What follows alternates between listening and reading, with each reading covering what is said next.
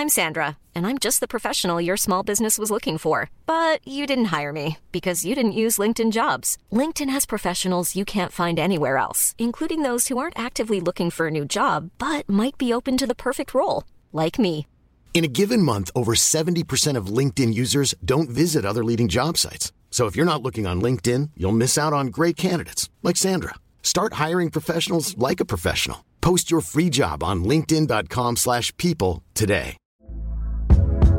Hey there, it's Michelle Norris. I'm host of a podcast called Your Mama's Kitchen. When I travel, I'm usually looking for a way to find a taste of home when I'm not at home. And one of the things I love to do when I am at home is entertain. And Airbnb allows me to do that. When I was in California recently, I rented a house that had a great kitchen. And when we were sitting around the table, we we're all thinking, we're in someone else's house. Someone could be in all of our homes as well.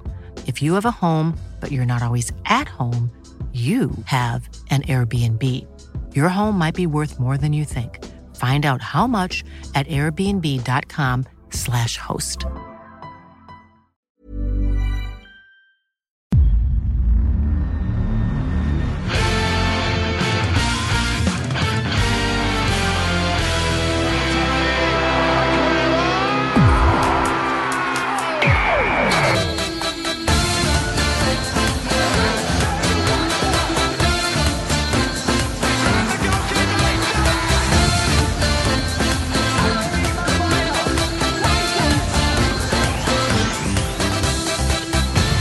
Säger vi hjärtligt välkomna tillbaka till ett nytt avsnitt av Rule Britannia. Det är uh, onsdag kväll är den 11 oktober. Uh, ja men är man en kvällsgnuggare kanske man får i sig det redan onsdag kväll. Men annars uh, så har det väl hunnit blivit torsdag morgon den 12 oktober och uh, det betyder ju dels att det är deppig landslagsfotboll som väntar denna kväll och därav Fabian så är det ju fan riktigt jävla gött att bryta emellan och hålla liv i snacket kring världens bästa fotbollsliga istället. Alltså bryta in och bryta in. Jag kommer absolut inte se Sveriges match mot Moldavien vill jag vara väldigt tydlig med att säga. Så här, här blir det fokus på Rule Britannia och eh, inte ens andra eller tredje skärm Sverige-Moldavien. Så full fokus på den här podden torsdag morgon, torsdag eftermiddag och torsdag kväll när man än lyssnar.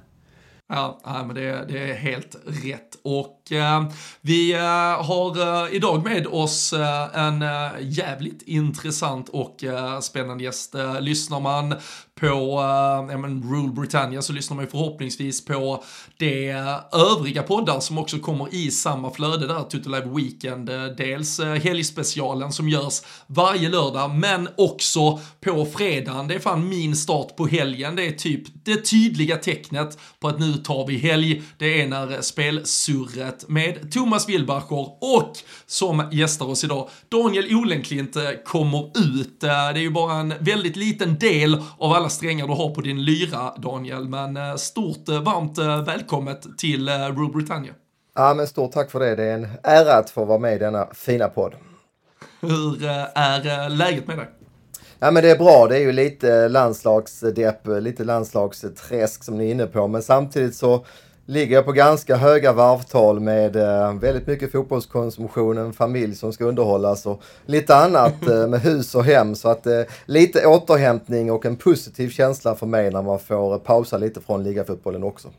Jag måste fråga dig innan vi drar igång och pratar liksom mer om vem du är och går in på att prata Premier League. Jag reagerar ju på Robin, min kollegas uttal när han säger spelsur med Olen. Det är ju liksom OLEN! nu är ju du från Skåne också, men hur är, det, är det så man säger eller hur, hur blir det på skånska? Ja, men jag kör nog lite mer uh, Olen, lite mer sofistikerat. Men så har jag ju också tio år i Stockholm uh, som boendeort. Till skillnad mot uh, Robin som verkar vara kvar här nere i skogarna. Ja. ja, nej, vi, är, vi är väl vi är geografiskt inte särskilt långt från varandra. Så det, vi, vi, vi delar väl i alla fall lite fotbollsintresse här nere på den skånska slätten helt enkelt med en guldstrid och lite annat vi försöker följa Absolut. också va? vid sidan av den engelska fotbollen. Men vi, vi snackade också lite här innan att vi kanske springer på varandra på, på lördag för då, då är det viktiga grejer tydligen i, i Stockholm och på Solvalla. Ja, det stämmer. Det är ju en väldigt fin tävlingsdag på Solvalla. Den största dagen för de treåriga hästarna. De har även en Masters-final. Så att det är mycket pengar som ska delas ut då. Thomas och jag har ju lyckats få med en häst där, Adriatica, i eh, tjejernas final då för de treåriga stona så att eh, vi eh, syns, eller i alla fall på samma anläggning på lördag. Ni ska också till Solvalla hörde jag. Ja men det stämmer, vi ska ju åka med Tuttosvenskan-gänget och ehm, ja men ha en riktigt trevlig dag. Och Thomas har ju faktiskt lovat oss, han befinner sig ju som han alltid gör i känslan på, på flickklubb. Eh, någon, I något annat land, jag tror han ska till Spanien faktiskt. Han har ju lovat att vinner, vinner hästen då blir det privatjet tillbaka så kör vi ut ikväll hela gänget. Ja, det är bra. Måste han flyga tillbaka? Kan inte vi flyga ut istället? Känns ju, jo, känns ju klart trevligare. Nej, eh, det om det och eh, det väntar eh, som sagt på lördag. Vi ska, vi ska inte bara prata hästar, ungdomsfotboll och sådant, utan vi ska såklart ha en Premier League-touch på allt detta som, som väntar den närmsta timmen och då får man väl börja med där Daniel. Vad, vad är din relation till Premier League och hur har du genom åren förälskat dig i det som vi i alla fall tycker är världens bästa liga? Ja, jag är ju så gammal att jag minns ju faktiskt Premier League från Tipsextras tid.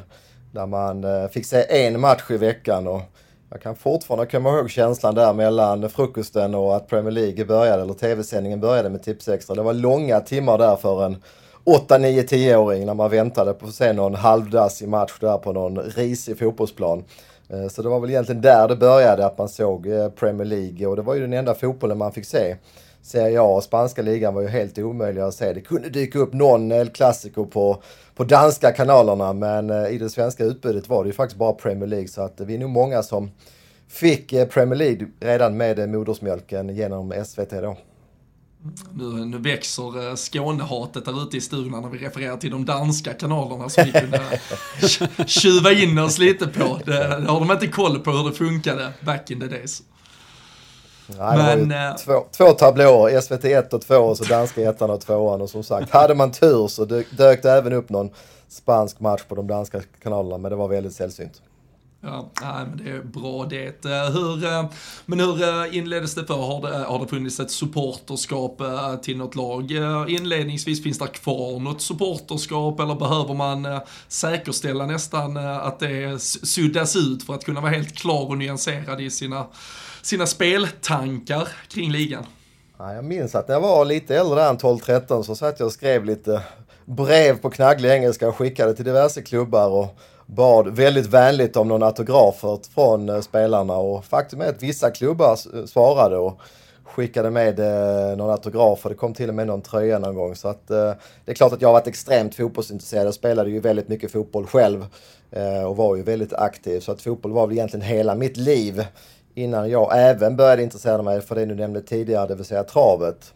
Och det var väl travet som förde mig till eh, Unibet och London 2003 när eh, det här bolaget växte så det knakade. Det var ju en konkurrent till de statliga bolagen och det hände ju väldigt mycket när internets utbredning skedde samtidigt. Så eh, jag började jobba med travsport och var ansvarig för travavdelningen på Unibet då. Men ganska snart efter att ha suttit med stora öron i eh, vårt eh, analytikerrum så förstod jag att fotbollen är ju, travet i all ära, men fotbollen är ju så mycket större.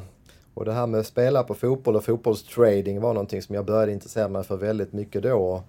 Jag var väldigt vetgirig och frågade tradingchefen eh, många frågor om hur de jobbade och successivt så flyttade jag över eh, min tid på att analysera fotbollen. Så att egentligen från 2006-2007 så har jag lagt mer tid på att analysera fotbollen, eh, trav och framförallt då haft Premier League som min huvudliga. Mm. Ja, eh, det är kanske många dessutom som lyssnar har noterat på, eh, på Twitter så använder du trots allt nicket Wise betting. Dennis Wise, gammal hårdför Chelsea-mittfältare. Finns där Finns det någon, per, inte personlig relation kanske till Dennis Wise, men vad, vadan detta? Det, det lämnar ju ändå några frågetecken runt det. Nej, men det hänger nog ihop med att vi, när vi jobbar på Unibet så jobbar vi ju först med att sätta oddsen, sen kommer ju då de här inkommande spelen och då hade vi lite graderingar på våra, våra de som mötte oss, så säga, spelarna. Eh, och de som var riktigt duktiga då, de kallade vi ju wise guys. Och det är väl lite vedertaget uttryck i eh, spelvärlden, att de som kan slå systemet, kan tjäna pengar, få en ROI som är över 100% på sina investeringar de kategoriseras Wise Guys. Så därigenom Wise Betting. Jag tror att Thomas Wilbacher som är betydligt mer tekniskt kunnig än jag själv var med och satte upp kontot så att ja, han kan ha haft ett litet finger med spelet i valet av namn. Men ja. därav började det. var ett eh, renodlat spelkonto egentligen, eller Twitterkonto om spel. Jag ville vara väldigt anonym i början och är ju såklart inte lika anonym idag. Men namnet har fått hänga kvar men det är ju ingen hemlighet att det är jag som står bakom kontot Wise Betting då man trodde ju att det fanns någon riktig rövarhistoria med Dennis Wise på någon krog i London kanske. Det hade, Besviken, väldigt. Ja, det, det, det, hade, det hade varit ett bättre segment känner jag för Nästan för så att, du ska börja, att vi ska klippa om där, att du ska ljuga och dra någon jävla story. Exakt. Br bröt arm med Dennis Wise och tjänade tusen pund på, på krogen, det kan vi köra.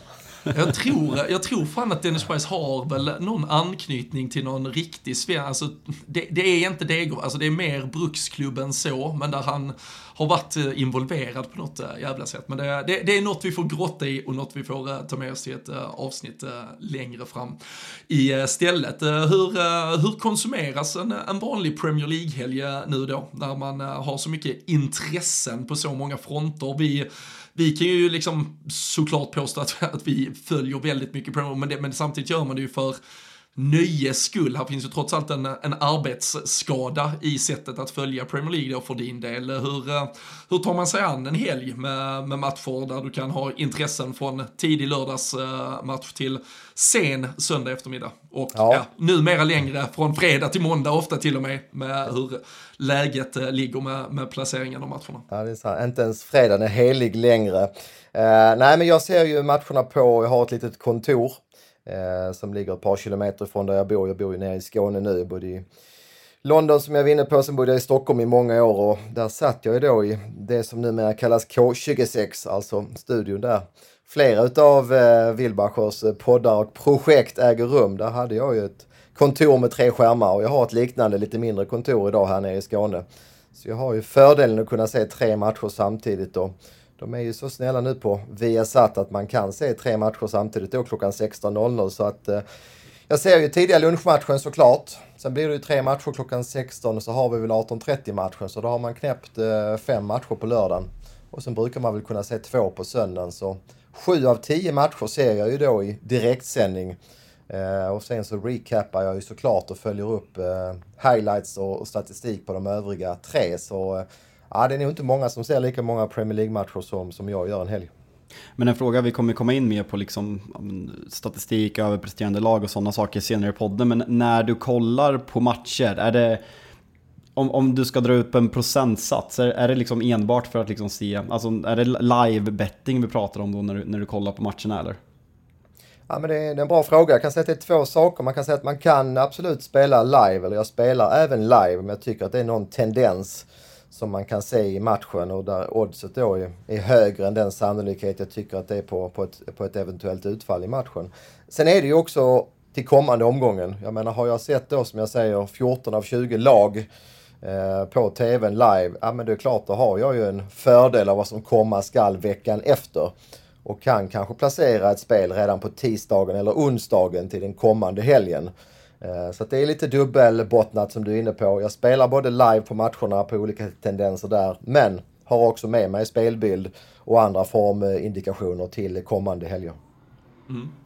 Vi eh, ska bara innan vi går vidare säga att eh, vi som vanligt gör Rule Britannia i samarbete med eh, ATG och på ATG.se så kan man ju alltid inför de, ja, varje Premier League-omgång hitta de ja, men, odds och massvis med spelmarknader för allt man intresserar sig av att spela på. Så ATG.se finns där när ni behöver dem och man ska såklart vara minst 18 år fyllda skulle man ha problem med spel, då ska man besöka stödlinjen.se istället. Eh, vi eh, hade ju en eh, Premier League-helg här innan landslagsuppehållet som framförallt bjöd på en stor sensation i slutändan. Eh, Daniel eh, Fabians älskade Manchester United har ju gått kräftgång den här säsong, säsongsinledningen.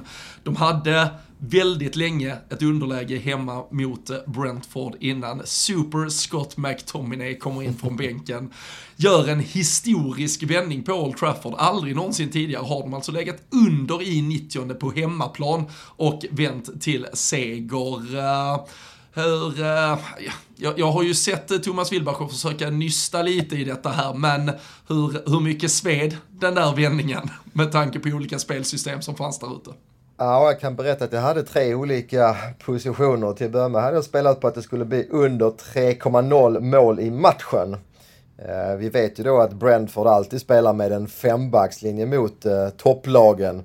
Ja, det kan man ju diskutera om United är topplag, men eh, ja, ni vet vad jag menar. Brentford varierar ju där, spelar ju en fyrbackslinje, får mer tryck offensivt mot de sämre lagen, men mot topplagen i synnerhet på bortaplan, då är det en fembackslinje som gäller. Och då brukar ju Brentford vara ganska snåla med att släppa in mål. Ehm, jag fick ju då pengarna tillbaka, men det var ju ett rån. Jag sitter ju med full vinst både vid 0-1 och vid 1-1 och som du säger 90 plus 3 och 90 plus 7 landar då 1-1 och 2-1. Så att det var ju första saken att man förlorade eller fick tillbaka pengar på det spelet där man egentligen borde vunnit. Sen hade vi ju en bra Big Nine-kupong där vi var helt inne på att gardera United som stora, stora favoriter. Sen var det dessutom jackpot på Stryktipset den här helgen där jag även där satt med helgarderat och hade inte gjort någon reducering där United var, ehm, var någon utgångslag heller utan jag var väldigt inne på att det kunde skrälla här. Så att det var dyrt på tre fronter. Jag ska inte nämna några exakta summor men eh, några nollor eh, kan vi lägga på eh, i summeringen. Det kostade en hel del faktiskt. Ja, ja, men det är bra. Det, det var i alla fall till uh, Fabians uh, stora glädje och jag hoppas det kan uh, kompensera med att det var glädjescener på Retro i Stockholm i alla fall. Ja, det är ma marginellt kan jag säga. Ja, det, Fan, Retro fortsätter få gratisreklam efter... nej, vi skickar en faktura den, efter den, kommer inte, den, den, kommer inte vara, den kommer inte vara gratis längre. Det ska, det ska börja faktureras. Det ska börja faktureras. Men eh, vi, eh, vi kan väl börja titta på, eh, på säsongen som, som har varit då så här långt och vi kan ju sitta och raljera kring Manchester Uniteds eventuella underprestation hit och dit. Men hur, hur har du upplevt säsongsinledningen och vilka lag som eventuellt ur både positiv och kanske då som eventuellt i United-fallet negativ aspekt har ja, men, överraskat mest åt de olika hållen? Mm. Ja, men jag tycker väl att det finns ett par olika spaningar och en spaning är ju att eh, Manchester City, även om de inledde med sex raka segrar, eh, faktiskt inte såg lika bra ut som vi hade vant oss vid här under våren. Eh, Kevin De Bruyne är ju och har varit långtidsskadad och det är nog en ganska tung faktor för City. Framförallt Haaland verkar ju sakna hans leverans. Och det är kul för ligan tycker jag. Nu har City två raka förluster. Det skulle inte vara kul om City sprang iväg här med en 7, 8, 10 poäng redan i november, december. Så att eh, det är väl spaning nummer ett att, att toppen verkligen lever. Eh, spaning nummer två är ju ett specifikt lag och det är ju faktiskt Tottenham. Att ett lag då som saknar sin talisman, stora härfara Kane, tappar honom bara, vad är det, en, två dagar innan fönstret stänger och ligan startar. Det är ju anmärkningsvärt att Tottenham både har spelat en rolig fotboll på marken och då toppar ligan tillsammans med Arsenal. Och jag får väl berätta då att apropå hålla på lag så finns det väl en liten, liten förkärlek till Tottenham. Men en väldigt, väldigt stor förkärlek för Tottenham hos min dotter. Som är 13-14 år och har olika verbala dueller med grabbarna på skolgården. Så hon har ju, jag har ju varit, försökt att förklara för henne att det kanske är behagligare att hålla på ett lag som Liverpool just nu. Men nej, det är Tottenham som gäller. Det finns ingenting som ruckar på det. Så att eh, det är faktiskt kul att följa Tottenham nu med tanke på min eh, min dotters engagemang. Spaning nummer tre ska ni också få och det är ju nykomlingarna. Oj vad svaga Sheffield United, Burnley och Luton känns. Vi har ju vant oss vid väldigt starka nykomlingar under flera säsonger men det här året vet jag inte vad som har hänt. Väldigt svaga lag som har kommit upp i Premier League så att de tre spaningarna gör väl jag kring tabellen efter åtta omgångar. Vill fråga en sak gällande att vi börjar med Manchester City där. Jag fick lite kritik av Arsenal-supportrar såklart. Eh, för att jag, de tyckte att jag i förra, eh, i vårt senaste avsnitt, eh, att jag liksom kom med bortförklaringar till Manchester City. Att det fanns förklaringar för att man saknar så enormt viktiga spelare i kanske framförallt John Stones, Rodri och Kevin De Bruyne. Hur mycket tycker du, du var inne på KDB men även John Stone som jag kanske höll som ja, men hela, hela ligans bästa mittback förra säsongen och hur man använde honom som inverterad mittback i slutet av säsongen och förändrade hela det spelet. Hur mycket kan man skylla på de här bortfallen. Alltså Rodri vet vi, de spelar tre matcher utan honom, de förlorar alla Newcastle i ligacupen tillsammans med två, med två ligamatcher. Men hur mycket kan man skylla på det här och hur mycket kan man se och börja oroa sig för en tröttnad, en mättnad efter att ha vunnit trippen i Manchester City? Ja, det är också en eh, intressant fråga. Det är svårt att sätta några exakta procent, men eh, som du säger, med tanke då på att Stones eh, gjorde det så otroligt bra, lite grann då som oms omskolad sexa, och sen då även eh, Rodris eh, frånvaro. Det får ju också noteras i sammanhanget. Och att då inte ha Rodri som den sittande mittfältaren, bollvinnaren, härföraren och inte ha då Kevin De Bruyne som en länkspelare till Haaland. Den kombinationen tror jag är en väldigt stor del i att City har trampat lite vatten. Sen kan det ju såklart spekuleras i att det finns ju alltid någon liten, liten halv procents mättnadskänsla i ett lag som vinner allt förra säsongen. Så att eh, det är klart att den faktorn ska inte heller helt eh, nonchaleras.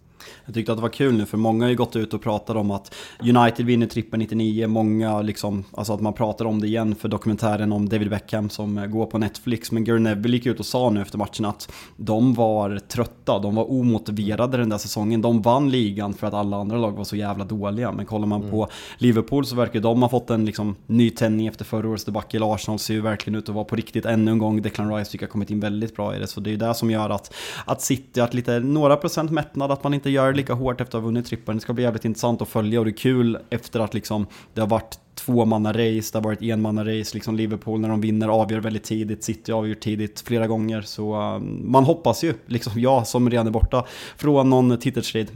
Hundra eh, gånger pengarna eh, ryktades det om att United ger som, som ligamästare och vi fan knappt in i oktober, det är så jävla mörkt. Vi kommer till det, vi kommer till det, vi kommer till det.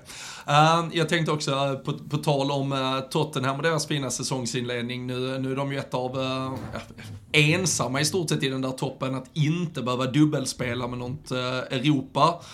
Dessutom tidigt uttåg ur ligacupen till och med på det, så det är ju i stort sett ett enkelriktat fokus för deras del medan vi, vi ser ju ett Aston Villa, vi ser ett Brighton, vi ser ett West Ham som är ute och Europaspelar samtidigt svarat upp väldigt bra, ligger ju på fina positioner i förhållande till kanske var man förväntar sig ha de här klubbarna. Hur, eh, hur mycket väger eh, man in Europaspelet, även om många lag numera har trupper för att kunna rotera ganska kraftigt. Men eh, hur, hur mycket får det påverkan på ingångsvärdena? Jag tillhör ju kategorin som lägger väldigt stor vikt vid detta när jag analyserar mina matcher. Det är klart att en vecka eller två kan man ju såklart spela tre matcher på en vecka utan att det är något slitage. Men när det kommer liksom vecka ut, vecka in, det är ligacupen, det är Europacupen, det är långa resor. Då märker jag, eller tycker jag, att vi ser ofta en eh, försämrad prestation i samband med det. Så för min del som analyserar matcherna ur ett spelmässigt perspektiv så lägger jag väldigt stor vikt kring just det här med om man har Europaspel eller ej. Och jag tror definitivt det kan vara en faktor då under säsongen som gynnar eh, Tottenham. Mm. Ja, det blir spännande. Så jag vet inte eh, hur, eh, vad har din känsla varit eh, därför? Vi snackade ju lite senast kring att man ändå har varit ganska försiktig. Alltså, både Son och Madison till exempel som har klivit av i vissa matcher. Man har ju verkligen inte maxat Tottenham. Är det, bör, bör alla vi övriga med någon form av supporterskap vara, vara oroliga över hur, hur mycket som ligger rätt för Tottenham inför resten av säsongen? Alltså jag, alltså jag, jag tycker, jag är såklart jätteimponerad av Tottenham. Men eh, vi var inne lite på det i förra avsnittet också, att jag håller fortfarande Tottenham. Alltså ska jag tippa en tabell nu så skulle jag sätta Tottenham på fjärde plats För jag tycker att höjden och jag litar väl mer på prestationerna över tid. Och det finns tränare som har bevisats över tid i Pep, Arteta och Jürgen Klopp i tre lag som jag, ja, men som jag ser bättre. Sen såklart, det här med att man inte spelar i Europa kan vara en fördel, men jag tycker fortfarande att bredden och, eh, och spetsen i de andra klubbarna är, eh, är tillräckligt höga. Så jag, eh, jag skulle tippa Tottenham som fjärde lag just nu. Jag tror ändå att det är en klok värdering. Det finns ju två saker med, eller kanske framförallt en sak med Tottenham. De spelar ju faktiskt med en väldigt hög risk i sin, sina uppspel. Det ser ju väldigt vackert ut, det är väldigt effektivt när man lyckas spela sig förbi motståndarnas press. Men det är ju lite som Brighton också gör. När det flyter, när man spelar sig förbi den första pressen, då är de ostoppbara. Men det finns också en hög risk. Vi vet att Arsenal var jättenära att göra 2-0 i derbyt just på att man vann bollen högt eh, mot Madison. Eh, så att jag är rädd att Tottenham kommer att gå på sina miner. Så har man en utmaning i nästa match. Då får man spela utan Bissouma. Som jag faktiskt tycker har varit, eh, ja, kanske Premier Leagues bästa mittfältare. Vad tycker ni? Jag tycker han har varit helt fenomenal. Alltså han har varit otrolig och det är väldigt kul att se honom spela på den här nivån för det var ju det man trodde när han, det, det pratades ju om Bissoma, NDD bland annat att de skulle vara liksom sexer i, ja men i större lag. NDD har varit kvar i Leicester och har blivit, ja men direkt svag medan Bissoma hade en usel säsong under Antonio Conte så det, det är kul att se honom på den här nivån för det var det man trodde att han skulle kunna spela på men om vi pratar om, om vi stannar vid Tottenham lite, hur mycket ska man värdera att man har mött ett ganska dysfunktionellt United på hemmaplan? Man avgör mot Liverpool med nio man med ett självmål 94. Utöver det så har man tagit eh, de andra fyra segrarna mot bottenfyran, om jag inte är helt fel ute. Hur mycket, hur mycket ska man spela in, ta in det här när man kollar på tabellläget? Absolut en, en hel del. Jag kan själv säga att jag rekommenderade spel och spelar ju Liverpool på det vi kallar draw no bet 1,70 i bortamötet mot Tottenham. Därför att jag tycker att eh, Liverpools trient där med Diaz, Nunes och Salah är så otroligt bra. Jag var inne på att de skulle hota Liverpool, eh, Tottenhams backlinje. Och det var ju också intressant, oddset droppar ju kraftigt på drawn och bet-linan. Liverpool var ju nere i runt 1,55 där efter 10-15 minuter i matchen. Och det är en rätt tydlig indikation på att eh, Liverpool är bättre än Tottenham när man kunde dominera så pass mycket. Eller se så pass mycket farligare ut i inledningen av matchen. Och sen kommer de här sekvenserna du är inne på som ändrade matchbilden helt. Så att eh, det finns absolut eh, anledning till att se nyktert på Tottenhams start. De är bra, men inte riktigt lika bra som poängen visar. Nej, jag såg också att uh, Premier League själva gick ut med en, eh, ja men lite sådär, eh, tog lite pulsen på, på ligan där efter åtta omgångar och vad den eventuellt kan eh, skvallra om för, för framtiden. Så det är ju uppenbarligen 31, 31 olika lag då, eller ledare som man har haft efter åtta omgångar. Bara 12 har gått vidare och vunnit. Så, så det hör väl ja, uppenbarligen till majoriteten av fall att det kanske är lag som sticker iväg lite. Man har lite spelschema, man har lite form, man prickar. Sen såklart att Tottenham på alla sätt och vis mycket väl kan vara med där uppe. Men hur mycket av det här med, alltså titta tillbaka på historia och titta tillbaka på hur, hur brukar en säsong utveckla sig? Är det mycket eh, det man ska väga in? Också när man tittar framåt att eh, ett lag inte, lite humle-effekten så att säga, man kan, man kan inte flyga hur länge som helst heller. Ja, men man måste nu ta in de här faktorerna att man har mött United i rätt tillfälle, har marginalerna med sig mot Liverpool och så har man mött flera lag på den undre tredjedelen. Så eh, jag tror inte att den statistiken du refererar till ska värderas speciellt mycket här. Vi kommer väl in på odds lite senare och då kan vi väl berätta eh, då att Tottenhams odds är eh, fortfarande väldigt högt att vinna hela titeln. Mm. Um, om, vi, eh, om vi tittar i, i övrigt i tabellen, är det, finns, det, finns det något lag du tycker sticker ut som har fått uh, maximal utdelning eller väldigt mycket mer utdelning än vad man har förtjänat enligt kanske underliggande siffror eller hur du tycker det har sett ut när du har eh, följt lagen och eh, såklart även det omvända med, med lag som inte har fått ut tillräckligt än så länge. Mm, vi är lite grann på det. Du nämnde det själv, underliggande statistik. Och där finns det ju otroliga verktyg. Det finns ju analysfirmor inom spel som sitter med betydligt bättre data än vad jag gör. Men jag tycker i alla fall att genom att se matcherna, titta lite grann på den vanliga statistiken, alltså vanliga skottkartan, men även då titta på det vi kallar XG. De flesta har säkert koll, men XG baseras ju då på de avslut man tar i matcherna. Eh, hur många spelare är det mellan bollen och målet? Vilken vinkel var det? Eh, och ger då en indikation på liksom vad matchen borde ha slutat. Om de här avsluten togs tusen gånger i en match så har man då räknat ut vad sannolikheten är att det blir mål på dem. Sen finns det ju massa andra variabler att ta hänsyn till men bara en liten kort recap på vad, vad XG är. Vi kan, vi kan väl börja med det laget kanske som har haft mest otur sett till XG. Och det är faktiskt, eh, tro det eller ej, Sean Dyche Everton som enligt eh, XG-data borde ha gjort eh, antingen 17 eller 18 mål. Alltså på de avslut Everton har tagit så borde man ha landat på 17 eller 18 mål. Och man har ju då bara gjort, eh, ska vi titta i rätt kolumn här, man har bara gjort 9. Så att man har gjort hälften av de mål som man egentligen borde ha gjort och eh, ja, det tycker jag ändå är intressant att se data på att Everton har skapat mer målchanser än vad som syns i målkolumnen.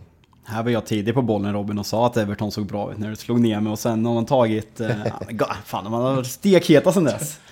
Du har, du har sågat Everton vid fotknölarna Nej. från det att vi drog igång. Vi, alltså och, jag känner ja, att vi... avsnittsnamnet är Justice för Jalkemo redan nu.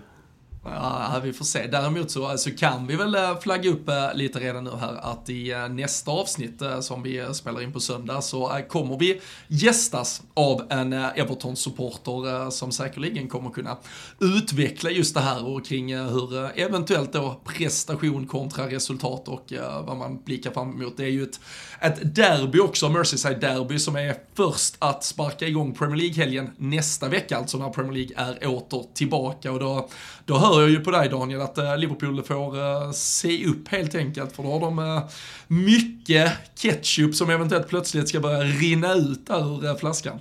Ja men exakt och tittar vi då även på lite mjuka variabler så köpte ju även eh, Everton Beto här under säsongen och det tror jag är ett ganska vettigt nyförvärv. Och man har fått tillbaka då glasbiten Colwood Lewin som ju har varit enormt mycket skadad de senaste åren så att helt plötsligt så har vi alltså data som visar att Everton skapar mycket målchanser. Vi har Beto in i laget och vi har en skadefri Colwood Lewin. Så eh, ja, det kan nog komma en del mål från Everton eh, framöver. Och som sagt, Liverpools får se upp. Framförallt har ju Liverpools försvar tycker jag varit slarvigt. Och framförallt i inledningen av matcherna. Så eh, ja, absolut ingen enkel seger för Liverpool här om, vad blir det, 10-11 dagar. Nej, nej, det kommer det verkligen inte vara. Um, är det något uh, lag i, uh, i motsats där till, till Everton då som har fått uh, kanske lite mer utdelning än vad siffrorna antyder att de har uh, förtjänat? Ja, West Ham har jag lite data på att de har haft marginalerna med sig. Borde haft ett par poäng färre och framförallt borde man ha släppt in fler mål. Eh, man har släppt in eh, 12, 12 mål men eh, enligt XG-avsluten så indikerar det på att även där borde vara uppe på runt 18 insläppta. Så att West Ham har släppt till mycket chanser, mycket farliga chanser och har gått lite bättre än vad de egentliga resultaten visar. Där minns man väl direkt såklart Brighton-matchen framförallt som sticker ut, men, men även Chelsea-West Ham, eller West Ham-Chelsea var vi ju inne på Fabian. Det var ju ett par matcher där när David Moyes och West Ham fick uh, utdelning på ett sätt som uh, var mer eller mindre mirakulöst.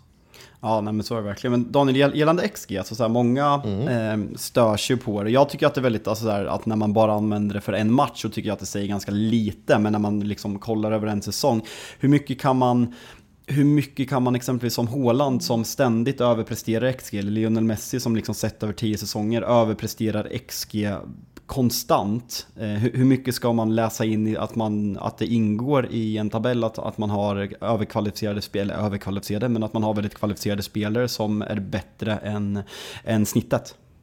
Ja men det är en bra poäng och där kan man ju då både lägga in vem som tar avsluten som du är inne på. Det är ju såklart skillnad om Håland tar det här avslutet än om en betydligt sämre anfallare gör det. Och vi har ju faktiskt även målvaktsfaktorn. Där vi har ett par målvakter i Premier League som sticker ut. Jag tycker själv väldigt mycket om en Allison till exempel. Och det är klart att det är betydligt svårare att göra mål från samma avstånd på den målvakten jämfört med en betydligt sämre målvakt. Och det är ju nackdelen med eh, XG-siffrorna, att den möter ju bara rent statistiskt, historiskt, hur stor sannolikheten är. Men vi måste också ta in de faktorerna som du är inne på. Den individuella kvaliteten spelar ju också in när vi mäter totalen det, är ändå kul här när man tar upp en, när jag tar upp en tabell och försöker liksom tyda det och läsa lite och tänker så här, fan har United kanske underpresterat lite sett i statistiken och då ser man ju, nej, ska vi ligga på elfte plats istället för tionde. Så vi är alltså bättre utdelningsmässigt än vad vi tjänar. det är total gåshud. Ja, precis. Ska vi vara lite snälla mot United så skulle ni ha gjort några mål till. Men det är ingenting som sticker ut dramatiskt som du är inne på på totalen. Uh, lite dåliga avslut har det varit i United, men uh, annars ser det fortsatt ganska grått ut i United även från eh, statistikbaserna.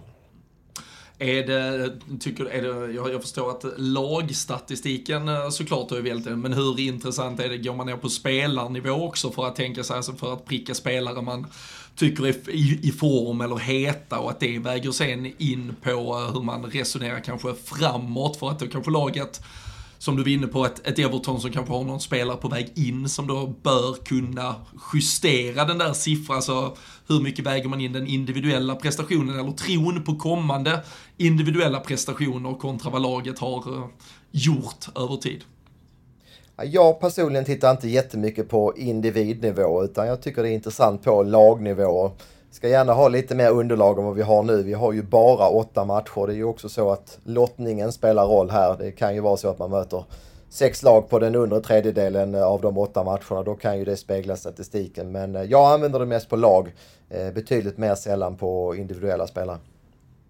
Det har ju varit uh, rätt mycket snack. Det har ju du bättre koll på Fabian. Det var ju mycket snackis kring det i den allsvenska bottenstriden till exempel. Där, där BP ganska tidigt hade ganska många fler, eller inte ganska många, men de hade ju ett par poäng bättre än många av lagen bakom sig. Men där man tittade på kvarvarande matcher istället och insåg hur mycket tuffare det var som väntade. Är det, finns, finns ja, de, de aspekterna återigen, är, är marknaden om vi säger så, eller vi som tittar på ibland lite sega på att ta det, någon form av helikopterperspektiv, zooma ut lite och se hur egentligen läget ligger och eh, ibland stirra oss lite väl blinda på vad som har gjorts utan att riktigt sätta det i relation till vad som har krävts. Ja men det ligger mycket i det och det är kanske framförallt då man tänker på vårkanten. Vi säger att det finns tio matcher kvar att spela. Då är det ju många som stirrar sig blind på tabellen. Hur många poäng har laget spelat in och hur många poäng leder de med? Men med bara 10 kvarvarande matcher så är det ju otroligt viktigt att även då som du säger vara inne på spelschema. Man kan ju teoretiskt sett med 10 matcher kvar sätta en sannolikhet. Eh, vi säger att Arsenal då ska möta City på bortaplan och det är klart att då är ju City klara favoriter den matchen. Så det är klart att det är en stor skillnad om man har ett lättare spelschema jämfört med om man har flera tuffa matcher. Så att eh, det är en viktig faktor när man ska till exempel spekulera i och spela på vem som vinner hela serien när det är, säg 8-10 matcher kvar. Så till exempel, Liverpool har ju spelat eh, fem av de här åtta på bortaplan, till exempel inledningsvis. Borta yes. mot, det var vi inne på senast Fabian, men det, det är ju bortamatcher mot Newcastle, Tottenham, Chelsea, Brighton och eh, sen Wolverhampton visserligen. Men det, så det är väl återigen ett, ett lag som kanske så här långt på pappret har haft ett lite tuffare spelschema än de konkurrenterna man gör upp med. Eh, Uppe i toppfyran just nu. Hej, it's Danny Pellegrino from Everything Iconic. Ready to upgrade your style game without blowing your budget? Check out Quince. They've got all the good stuff, shirts and polos, activewear and fine leather goods, all at 50 to 80% less than other high-end brands. And the best part? They're all about safe, ethical, and responsible manufacturing. Get that luxury vibe without the luxury price tag. Hit up quince.com slash upgrade for free shipping and 365 day returns on your next order. That's quince.com slash upgrade. Hiring for your small business? If you're not looking for professionals on LinkedIn, you're looking in the wrong place. That's like looking for your car keys in a fish tank. LinkedIn helps you hire professionals you can't find anywhere else, even those who aren't actively searching for a new job but might be open to the perfect role. In a given month, over 70% of LinkedIn users don't even visit other leading job sites. So start looking in the right place. With LinkedIn, you can hire professionals like a professional. Post your free job on linkedin.com slash people today. Hey there, it's Michelle Norris. I'm host of a podcast called Your Mama's Kitchen. When I travel, I'm usually looking for a way to find a taste of home when I'm not at home. And one of the things I love to do when I am at home is entertain. And Airbnb allows me to do that. When I was in California recently, I rented a house that had a great kitchen. And when we were sitting around the table, we we're all thinking, we're in someone else's house. Someone could be in all of our homes as well. If you have a home, but you're not always at home, you have an Airbnb. Your home might be worth more than you think. Find out how much at airbnb.com slash host.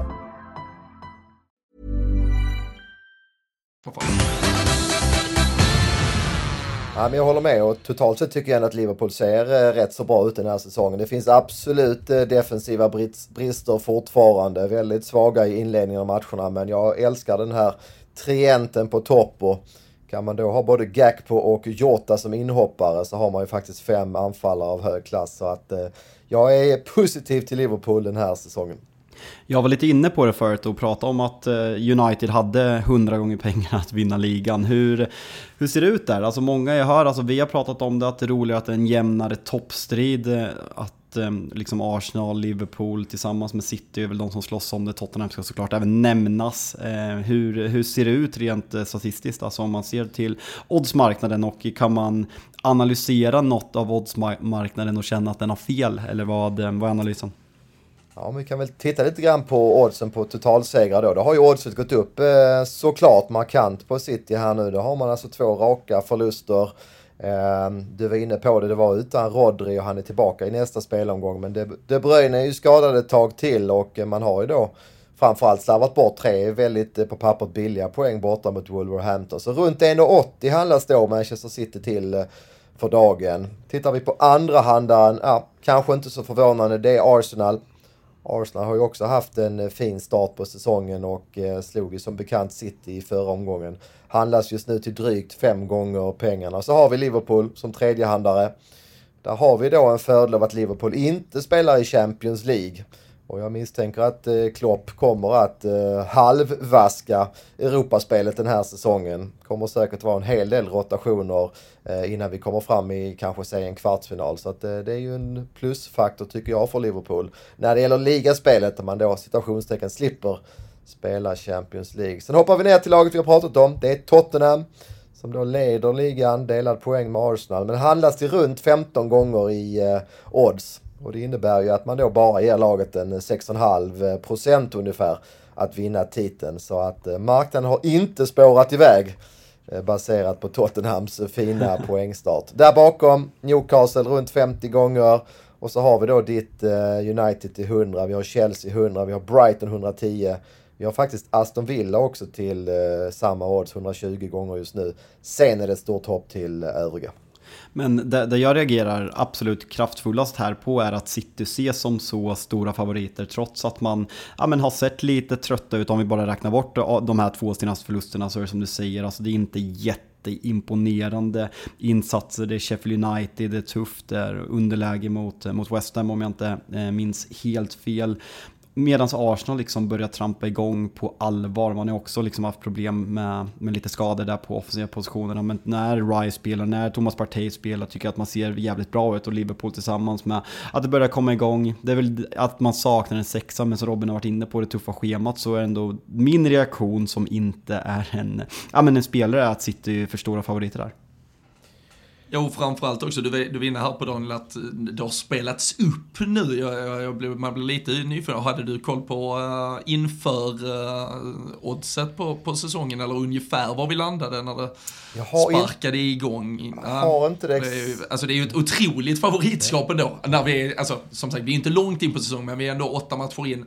Vi har kunnat göra ett litet ögontest på dem och vi har uppenbarligen sett dem förlora två raka matcher för första gången sedan december 2000 2018 så det är ju klart att någonting inte är så väloljat som det tidigare har varit i det där laget. Men uh, Ja, eh, ja, jag håller med dig Fabian. Överraskad att eh, de fortfarande hålls som, som så pass i sammanhanget stora favoriter. Jag har inte det exakta oddset i huvudet just nu. Vi kan återkomma med det på, på Twitter för det går ju såklart att leta upp. Men, eh, ja, men jag är böjd att hålla med er. Det finns eh, vissa farhågor i det här City-laget och att de andra har kommit ikapp. Men sen finns det väldigt mycket underliggande statistik, framförallt då från förra våren där City fullkomligt slaktade. Eh, hade ju enorma resultat och också enorma underliggande siffror. Så att jag tror det är det som ligger till grund eh, hos marknaden. Att eh, laget har så extremt stark statistik här den senaste säsongen.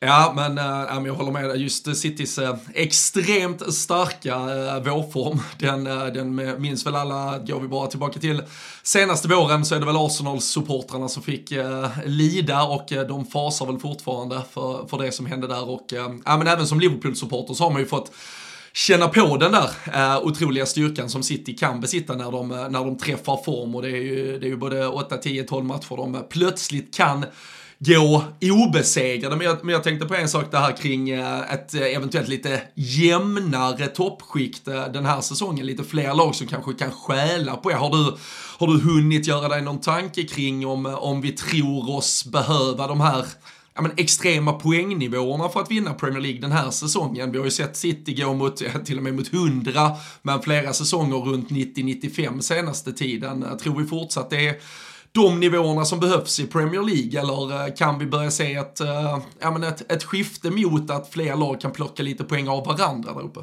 Ja, men jag tror nog att eh, vi är inne på den senare teorin att fler lag börjar ta poäng av varandra. Vi har ju sett eh, Arsenal rusta bra här i flera fönster och framförallt var väl Declan Rice då som eh, den sista pusselbiten tycker på det där defensiva mittfältet. Och även eh, Tottenham ser ju väldigt spännande ut den här säsongen. Och sen borde ju både Chelsea och Man United ta kliv. Eh, Chelsea har ju då vunnit samtliga sina XG-siffror i alla matcher i år och har dessutom väldigt många spelare på skadelistan. Så att eh, det finns nog anledning att tro att det är de där fem, sex lagen som tar lite mer poäng av varandra den här säsongen. Mm, där är ju en, eh, på tal om de här stormötena som kommer snart, Chelsea, Chelsea-Arsenal nästa lite kanske lära sig Chelsea två raka vinster med sig in i landslagsuppehållet. Du pratar lite underliggande siffror på dem, spelare tillbaka från, från skador och sådär. Eh, tidiga odds där på, på Chelsea, kanske ett hett London-derby kanske kan vara något att kika på. Ja men det kan det vara och oddsmarknaden är ju rätt så smart och den håller ju fortfarande Chelsea högt även om tabellen inte riktigt visar det. Men men eh, som sagt, många spelare på skadelistan som kommer att komma tillbaka. Fina underliggande siffror. Och så har vi heller inget Europaspel på Chelsea så att eh, det finns ju definitivt faktorer som talar för att Chelsea kommer få en stark eh, vår i ligan. Ja. Vi, eh, vi ska bara säga det, Fabian behövde springa vidare här. Jag vet inte om han skulle se reprisen av sista minuterna i United Brentford en gång till. Eller Träffa sin psykolog. Ja, ja, kanske det. Eller om han blev eh, extra, sprang till banken direkt. Han hörde att det var hundra gånger pengarna på United att uh, vinna ligan kanske. Men, uh, men, men om vi bara går tillbaka där, vi på tal om uh, vinnaroddsen och, och då 1,80 klar favorit just nu på City och så. Vilka är det, är det något av oddsen om vi då tittar Arsenal, Liverpool, Tottenham till 15 nämnde du. Är det, är det något av oddsen du tycker är lite felsatt? Uh, alltså utan att ha kanske djupdykt ner i dem. Men om vi tittar på vilka lag som ändå har chansen att uh, utmana om titeln. Man kan ju säga så om du tvingar mig att spela, jag har inte tagit någon eh, position här för det är ju en väldigt uh, välanalyserad marknad det här med som vinner Premier League. Men jag, jag tycker ändå att, nu ska inte fjäska för dig, men Liverpool där till sju gånger skulle jag kunna prova någon krona i. Ehm, jag tycker att det finns alla pusselbitar för att vinna ligan i år. Jag tycker även att med tanke på att Klopp spelar sin extremt eh, rockiga fotboll. Det är ju en väldigt eh, hög intensiv press, det är mycket löpningar i djupled. Just den typen av lag är nog extra gynnade av att slippa spela dubbelt i Champions League.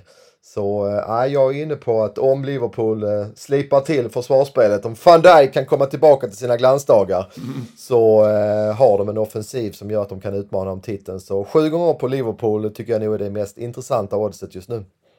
Ja, nej, jag, ehm, jag, jag, jag, bara lyssnar till dig. Jag väger inte in några egna känslor. Jag klarar inte av att hantera det, det är riktigt i, i det här sammanhanget. Det, ehm, men det, det är ju som du säger, det, det har ju varit eh, lite frustrerande att se Liverpool ge bort alla de här extremt billiga mål. Jag vet inte hur livespelandet har sett ut där men alltså vi har väl varit i underläge. Nu väger jag väl visserligen in lite kuppspel här, men jag tror det är väl sex underlägen där åtminstone fem av dem då har renderat seger. Även mot Brighton så vänder ju Liverpool, sen visserligen släpper man ju in 2-2an till slut där. Men äh, jag vet inte om du har hunnit haft någon koll på det, men hur har marknaden sett på Liverpools tidiga underlägen? Har de ändå varit äh, storfavorit att eh, lösa det med tanke på att de har gjort det så bra under säsongen. Ja, men det har de varit. Det har ju varit eh, matcher de har varit favoriter vid ett flertal tillfällen. Det var ju Leicester i kuppen till exempel och även Bournemouth i ligan då på hemmaplan där man släppte in mål eh, rätt så tidigt. Och man tänker ju så här att lag som släpper in mål tidigt i matcherna, de brukar ju ha ex extra eh, vara extra eh, uppmärksamma i de kommande matcherna. Man brukar prata igenom det här på träningar och taktikgenomgångar men det händer gång på gång. Men ah, jag vill ändå sätta det lite på slumpens eh, faktor. Jag tror inte att Liverpool eh, över en hel säsong kommer vara ett lag som eh, släpper in första målet eh, speciellt mycket oftare än andra lag. Så att jag, jag vill ändå släppa det på, sätta det på slumpkontot faktiskt. Jag mm. väljer att titta på de positiva sakerna och ah, jag älskar den där trienten på topp. Och, som sagt, de har även bra bredd nu så ja, jag tror att Liverpool kommer att flyga bra här under säsongen. Ja, vi, vi får väl se där. Ehm, jag tänker eh, Liverpool kanske lite, men även eh, svensk eh, faktor. Man kanske kan prata om någon form av typ namnstyrka, tänker jag. Så Liverpool Manchester United kvalificerar väl såklart in, in i det också. Arsenal kanske tidigare, nu är man väl däremot tillbaka där man eh, var, eller där minnet säger att man borde vara, liksom, om man tittar tillbaka 20 år i tiden typ. Men också den här effekten på i alla fall den svenska spelaren med spelare som Alexander Isak, Kulusevski. Alltså det, den här hur mycket påverkas eh, i alla fall den svenska då spelar av vilka lag och vilka spelare man typ vill tro fortfarande är de bästa där ute. Är, är där något man kan eh, ibland hitta värde i? Ja, jag tror inte att, eller jag vet att världsmarknaden reagerar inte på, på om det är specifikt svenska spelare som är skadade utan det kan ju vara att de bolagen som har många svenska kunder så kan Precis. det vara så att vissa kunder väljer att spela emot vissa lag om någon svensk spelare, Kulusevski Isak, är borta. Men tittar vi på världsmarknadspriset så styrs det av helt andra mekanismer. Men, eh, men visst kan det vara så. Vi har ett, det tydligaste exemplet är ju till exempel om du har med ett svenskt landslag på Stryktipset eller på Big Nine. Då brukar det ju vara en, en bias att svenska folket spelar mer på de svenska lagen. Där är det väl allra tydligast men jag tror inte det är någon jättefaktor när vi pratar ligafotbollen. Nej, tror du eh, må många här eh, imorgon torsdag som, eh, som är all in på Sverige mot Moldavien i, i sina spel? Eller det, kanske snarare att där har opinionen vänt så starkt så att Moldavien nästan blir nerspelade det, av den svenska marknaden. Det kan faktiskt vara så att den allmänna opinionen nu är att vårt landslag är helt iskallt och alla vet, vet att Isak också saknas. Så att det kan nog finnas de som spelar emot det svenska landslaget då under torsdagen. Ja, vi får, man får ta ett äh, kik där. Eh, vi, eh, vill man lägga något spelare inför Sverige-Moldavien till exempel så kan man ju gå till atg.se. De är ju alltid med och äh, möjliggör Rule Britannia. Det säger vi stort tack för. Och vill man spela, då gäller det att man är 18 år fyllda och skulle man ha problem så finns ju stödlinjen.se. Jag, jag tänker om vi rör oss lite från, från toppen av tabellen till botten så har det ju varit en säsong där nykomlingarna, även om det kanske i två av tre fall, eh, Sheffield United och eh, Luton, inte fanns så otroligt mycket förväntningar. Men Burnley var ju ett väldigt uppsnackat lag inför eh, säsongen. Hur hur mycket, om det ens har det, har det överraskat dig att nykomlingarna har än så länge varit de slagpåsar de har varit? Ja, men jag gillar att du bryter loss eh, Burnley lite grann från de övriga två, två eh, nykomlingarna. För Burnley var ju extremt hypade. Gick ju väldigt starkt i Championship. Karismatisk eh, company fick ju verkligen eh, eh med sig liksom hela opinionen i, i världen då kring att Burnley var en väldigt stark nykomling. Men jag tycker då att man har spelat lite för naivt. Man har spelat samma typ av fotboll som man gjorde i Championship de här bolltappen man gör, ja, när backlinjen står högt då är det helt plötsligt väldigt farliga spelare som kommer in i ytan bakom. Det har varit både Son och Holland och Watkins och de hittar du inte i Championship så att eh, Burnley har ju blivit brutalt påminda då om att eh, nivån i Premier League är både en och två klasser högre än Championship. De andra två lagen, lagen Luton tycker jag ändå gör det okej okay efter sina resurser. Men Sheffield United har ju brutala problem. Enda lilla försvaret för Sheffield är att de har haft mycket skador men det ser håglöst ut och vår svenska vän eh, Anel Ahmedhodzic har ju haft en väldigt, väldigt tung höst här. Han eh, blev till exempel helt uppsnurrad av Gordon här när man mötte Newcastle och förlorade 8-0 på hemmaplan. Så eh, ja, Sheffield United är en av de svagaste nykomlingarna jag har sett på många år. Ja, och vi, jag vet, vi snackade lite, jag och Fabian, inför, eh, eller det var väl även innan de hade mött Newcastle där precis, att just också att de Alltså de här små marginalerna du kanske ändå måste ha med. Det var ju den extremt sena då, vändningen till förlust mot, eh, mot Tottenham när just Kulusevski tryckte upp den i hundrade minuten var det väl eh, till slut och man hade ju även mot tro det eller ej, mot Manchester City så får man ju in en 1-1 eh, hemma i slutet, men, men så slarvar man då, alltså så kombinationen av att kanske dels i i grundkvalitet såklart vara ett lag som ska vara där nere i botten, men när du dessutom inte har någon form av kanske mental styrka att rida in de där sista poängen när du ändå har gjort någon form av, det känns som att det verkligen är ett lag där det kan vara aktuellt att titta på de riktiga bottennoteringarna. Nu har man visserligen Manchester United nästa helg, så det är kanske där man ska plocka sina poäng, men uh, nog måste vi titta mot de där uh, absolut sen. Det finns ju ett eh, Derby, det finns ett Reading, det finns ju ett par lag som har varit inne på rekordusla Premier League-säsonger och uh, fan, det är en känsla att Sheffield kan ge sig in i den matchen. Ja men det känns lite så. Tappar ju ett par nyckelspelare här redan under sommaren och plus då ett antal skador här nu framförallt i backlinjen. Eh, sammantaget så ser det allt annat än bra ut och jag tror till och med att Man United kommer att vinna nästa match då. Jag har väldigt svårt att se att Sheffield ska stå emot ett United eh, nästkommande lördag då. Ja, det, det tror väl eh, jag nu också att eh, United ska eh, kunna lösa. Ehm, det här som du är inne på lite då med att lag även underifrån kommer upp och vill, vill spela fotboll så att säga. Om vi, om vi lite enkelt förenklar det kring ett Burnley, ett Bournemouth till exempel sen tidigare. Och vi har ju såklart sett vad ett Brighton med De Serbi har gjort och där pratar vi om att, att alltid vinna sina XG. Och så, och jag förstår ju att XG är underliggande siffror i, i sammanhang sammantaget och du har pratat om det intressanta från den aspekten. Men måste man kanske ibland väga in också att vissa tränare, det finns ju ändå ett par, om vi säger kufar, lite förenklat, en David Moyes, vi har tidigare haft en Sam Allardyce, du förstår vilken skola jag går mot i alla fall. Där måste man ibland kanske värdera vilken typ av tränare, alltså med vilken XG de har. För vissa tränare kanske inte den där XGn är så intressant. Vi nämnde till exempel att Sean Dyche och Everton har en bra XG. Kanske är den inte så intressant för just Sean Dyche. Jag, jag, vet inte om du kan förstå ungefär vad jag söker efter, men uh, du får uh, försöka ta, ta frågan på vad den är. Jag har lite svårt för tränare som spelar med samma spelsystem i samtliga matcher, alltså oavsett om du möter en bottenkollega hemma eller ett, ett topplag på bortaplan så tycker i alla fall jag med min eh, lilla tränarerfarenhet att man eh, definitivt borde kunna justera laget lite grann. Och det gör ju eh, det gör, det Daishi. Möter man Arsenal på hemmaplan, ja då släpper han bollinnehavet backar hem med mittfältet så att det ligger nästan i knäna på backlinjen och eh, stänger till alla ytor. Eh, visst, Arsenal är bättre där, vinner 1-0, men skulle Everton spela en öppen fotboll i den matchen så hade det säkert kunnat flyga iväg med både tre och fyra mål eh, bakåt. Omvänt då, när man möter sämre lag på hemmaplan som man gjorde nu i helgen mot Bournemouth, ja, då trycker man lite grann på gaspedalen, gör sina mål. Så eh, ja, jag tycker att de här tränarna som alltid har samma spelsystem oavsett motstånd är lite för naiva på den här nivån. Sen kan man lägga in en annan aspekt att De Cherby är ju på något sätt även en fotbollsutvecklare.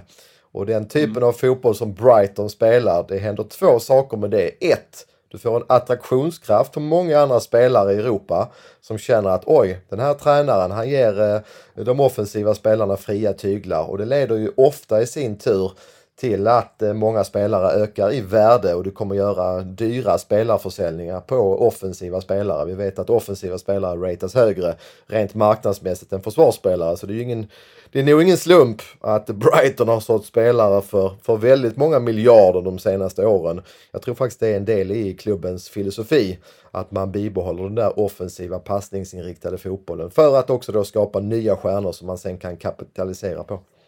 Mm.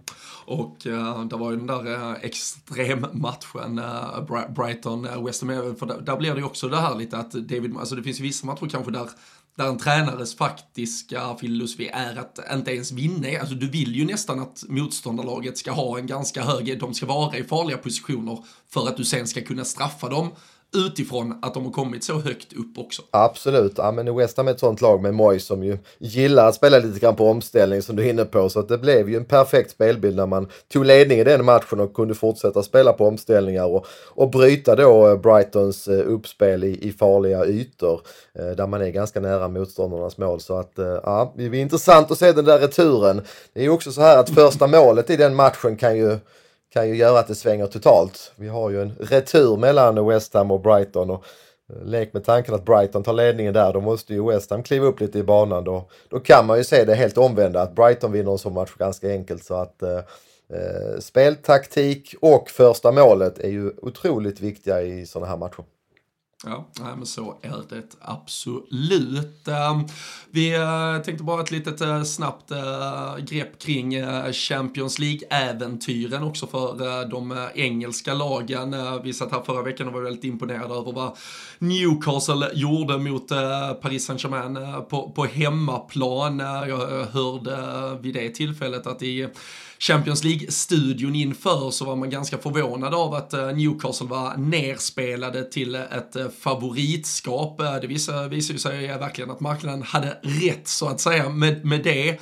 Men äh, egentligen kanske med, med någon form av väldigt objektiva glasögon. Att Newcastle United med spelare som Dan Burn och Sean Longstaff ska vara favoriter mot ett Paris Saint-Germain. Fin, finns det någon form av att Premier League-lag tenderar att övervärderas? Eller, alltså, de spelas ju ner, men det blir ju någon form av övervärdering i så fall uh, i deras styrka internationellt. Svårt att säga om de övervärderas, men just den matchen kan vi ju titta lite grann på. Det kom ju väldigt stora pengar där på dagen innan och förmiddagen på Newcastle.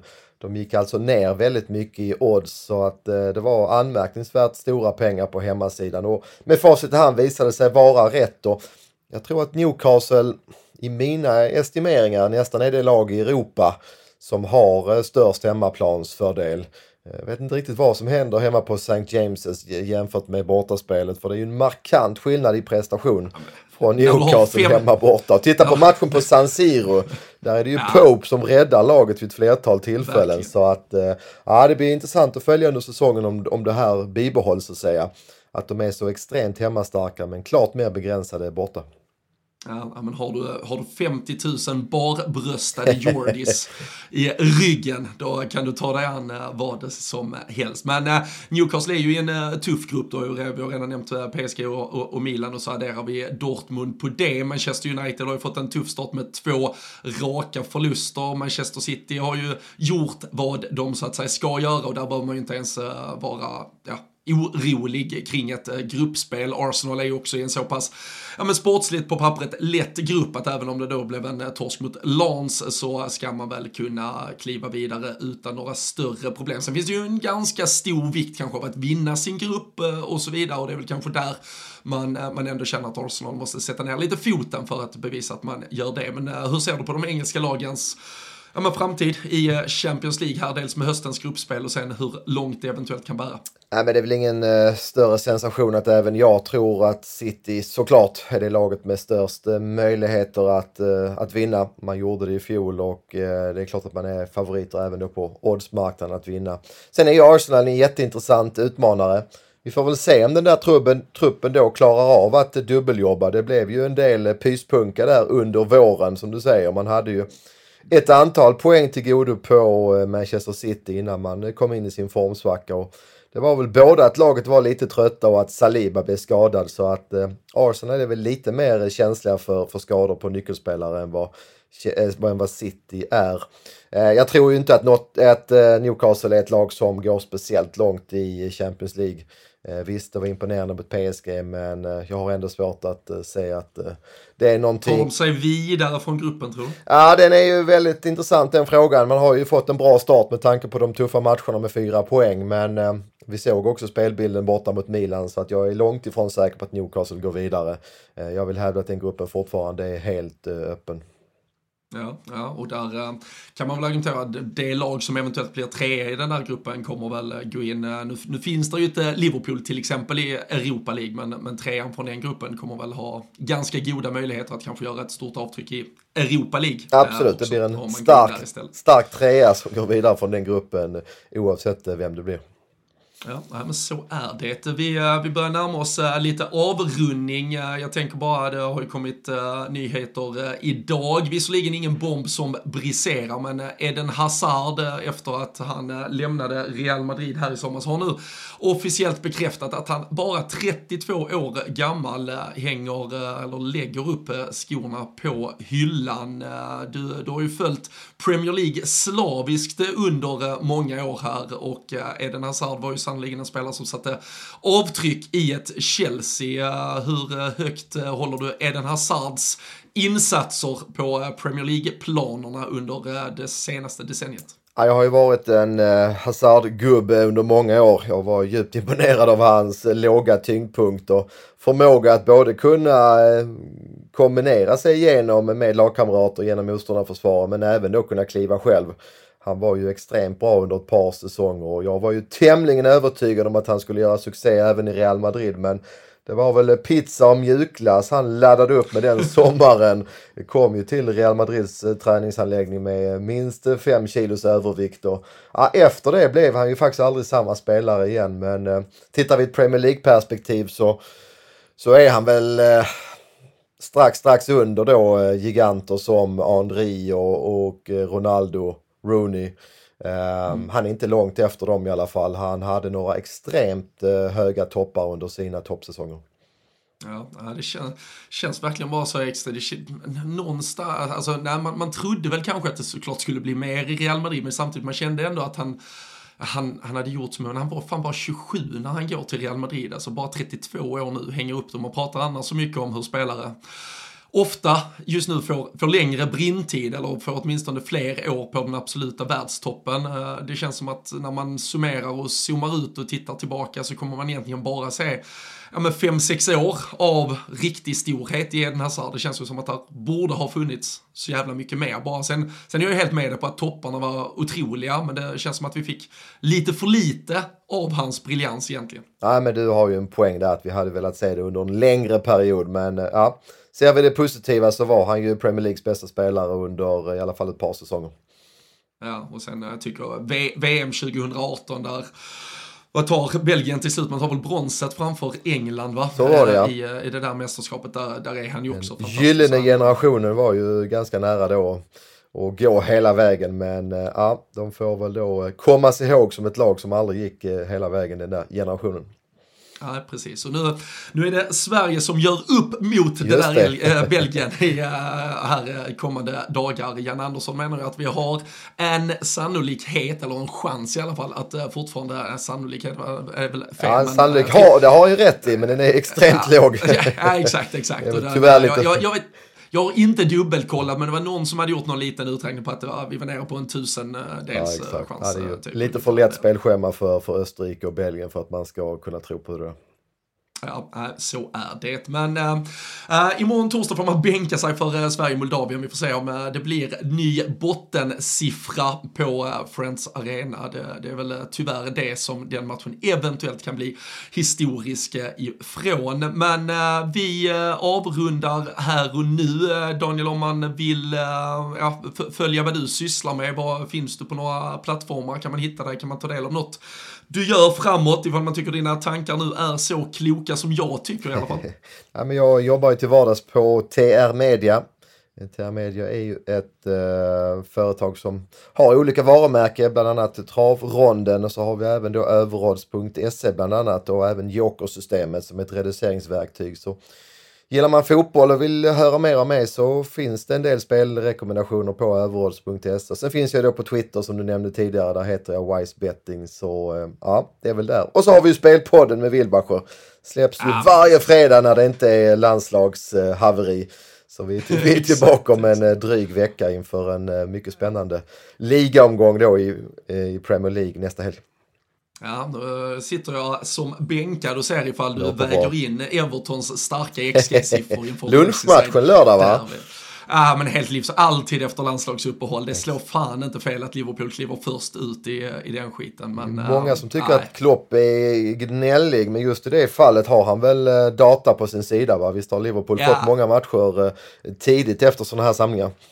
Ja, tar man eh, om det är de två senaste säsongerna sammantaget så jag tror detta derbyt blir Liverpools trettonde eller fjortonde eh, lunchmatch medan eh, nästkommande lag där, jag tror det är Tottenham, har haft sex stycken eller någonting. Så det har varit extremt många eh, och eh, ofta då dessutom bortamatch vilket gör att du måste ju samla in lag. De kommer ju ofta till till Merseyside eh, under torsdagen typ och så behöver du sticka på fredagen och så hinner du knappt äh, träna någonting. Nu, nu, nu, ska de ju trots allt vara kvar på, äh, på hemmaplan. Jag kommer ihåg senast äh, landslagssamling när du nu säger det, det var ju Wolverhampton borta. Precis. Och en fullständigt iskall äh, första halvlek. McAllister hade väl precis klivit av flyget från Sydamerika, var helt bortgjord.